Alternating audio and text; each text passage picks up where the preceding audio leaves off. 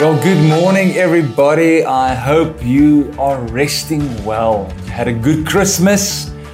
I hope you had a good jog or exercise after the Christmas dinner. Um, you probably did, uh, like myself, uh, overextend yourself, but I trust that you had a wonderful time with family and with friends. So, Merry Christmas from my side as well. And uh, this morning, Every Nation Tshwane Lattice Park. Um, this is our last uh, service, our last devotions for the year of 2020. En as jy soos ek is en ons kyk 'n bietjie terug oor hierdie jaar, dan is daar miskien ook gemengde gevoelens. Um wat 'n jaar het ons gehad nie, nê? Wat 'n de mekaar jaar, wat 'n moeilike jaar hier onmoontlik. Um, maar ons is ons het hom gemaak. Ons is hier so. Ons sê on, ons sê totsiens tata vir die jaar en um, ons kan dan nou ook vandag uitsien na na dit wat kom in die volgende jaar.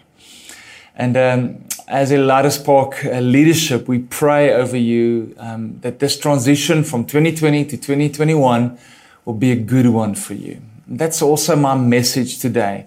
Um and I want to take you to to the book of Exodus for our devotions this this morning together. Wherever you are, whether you're in Tshwane or maybe somewhere uh, on holiday, um, my prayer is that as I read out of the book of Exodus and just share one or two thoughts, that it will really challenge you and bless you, that it would really encourage you, that God would speak to you. So let's read out of this amazing text out of the book of Exodus 40. Now, just a bit of context. Um, God has given Moses um, the, um, the, the, the, command to, to erect the tabernacle um, as they are traveling through the desert, through the wilderness. Dis 40 jaar wat hulle nou in die wildernis ehm um, gaan uh, moet um, rond beweeg. And the tabernacle is is of course a shadow of what was to come in Jesus and everything of the tabernacle is pointing towards Jesus and the beauty of who Jesus is. Um, and the tabernacle in its essence was the dwelling place of God. It was that manifest glory and presence of God tangible with them throughout their journey in the wilderness. En die gedeelte wat ons nou sien aan die einde van Exodus 39 is waar hy dan um perfek bou die tabernakel soos God hom beveel het om te bou. En dan in Exodus 40 na als presies gebou is soos hy moes, dan lees ons die volgende. Ons ons lees dan hoe die glorie van die Here kom op hierdie tabernakel en sy teenwoordigheid kom en hoor hoe mooi is hierdie. Exodus 40 verse 34. Then the cloud covered the tent of meeting, the tabernacle, and the glory of the Lord filled the tabernacle. And Moses was not able to enter the tent of meeting because the cloud settled on it, and the glory of the Lord filled the tabernacle. Now just imagine this picture, the glory of God the presence of God, the manifest seen presence of God Almighty in a a tabernacle. Dink vir 'n oomblik die God van die heelal wat die sterre en die planete geskep het met sy woorde en hier is hy by mense, he's dwelling amongst people. How amazing that scene must have been. En nou hoor dan nou wat gebeur. Vers 36. Throughout all their journeys in the desert, of course, whenever the cloud was taken up from the tabernacle, the people of Israel would set out. But if the cloud was not taken up, then they did not set out till the day it was taken up. For the cloud of the Lord was on the tabernacle by day, and fire was in it by night, and the sight of all the house of Israel throughout all their journeys. Nou die beginsel wat ons hierso leer is, is vir my 'n profound beginsel wat ek vir jou wil ehm um, los so aan die einde van 2020, maar ook aan die begin dan van 'n nuwe jaar. Hulle het nie beweeg tensy die Here saam met hulle beweeg het nie. Die teenwoordigheid van die Here, the presence of God, that cloud that um, demonstrated manifested the presence of God. They did not go. They did not walk out, they did not make a decision and go to their next place if the presence of God didn't go with them. They waited until He moved. And I just sense for us as a church, for you as an individual, for you as a family, do not move unless you see God move. Weet ons kan baie keer so ehm um, gewoond raak aan selfs die seisoene van die lewe. Nou is dit nuwe jaar. O, nou nou begin ons nuwe planne te maak. Maar maar God se tydsberekening, sy ritme is dalk anders as my en jou ritme. Ehm um, moenie net op die ou ervarings of die ou strukture of die ou maniere staat maak nie. Let's be spirit led. Let's be presence led. Daar gaan tye hierdie jaar wees wat die Here in ons harte gaan kom fluister vir jou as 'n gesin, vir jou as 'n connect-groep leier, vir ons as leierskap van die Laris Park. Waar hy sê wag, wil jy nog 'n tydjie lank hier wag? Ek wil hê jy moet 'n bietjie langer tyd spandeer aan byvoorbeeld huwelike. Ek wil hê jy moet dalk meer tyd aan jou kinders spandeer nou voor jy hierdie nuwe besigheids deel vat. Voor jy ja sê vir daai of daai, wag. Hoor die stem van die Here. Be spirit led. Don't just go on a whim. Okay, every Sunday we do this or every second month we do that because that's what we've always been doing. Nee, volg die Here se stem. En hoe hoor ons sy stem? Ons hoor sy stem deur eerstens sy woord. Daagliks in sy woord te wees.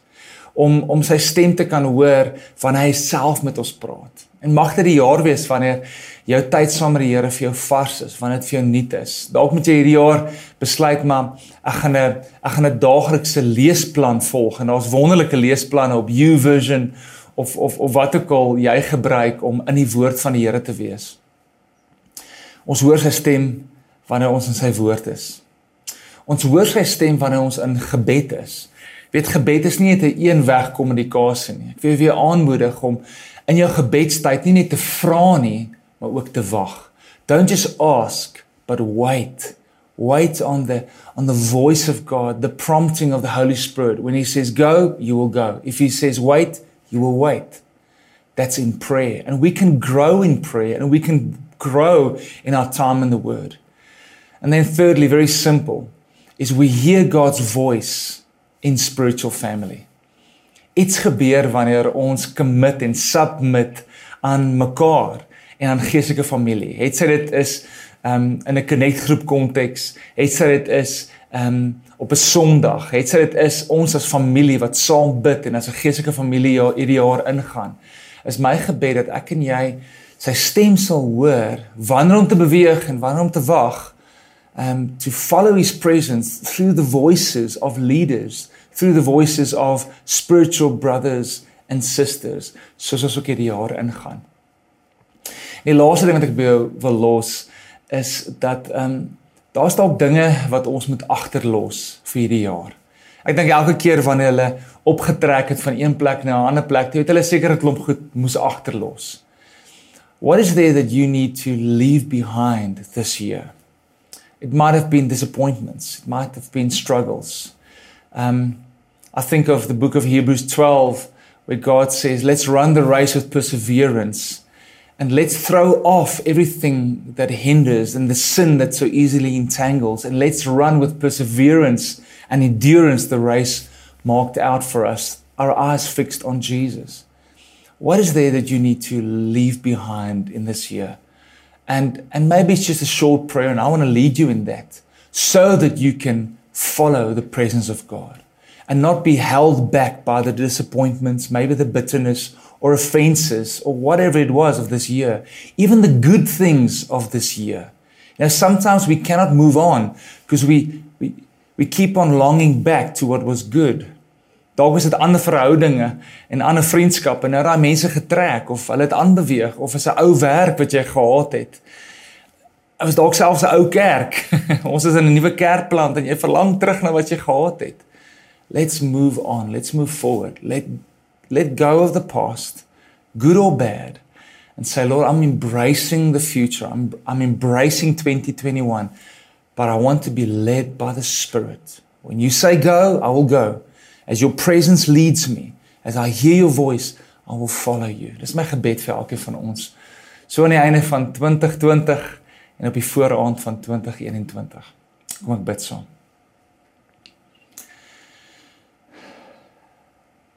Holy Spirit, thank you that you lead us.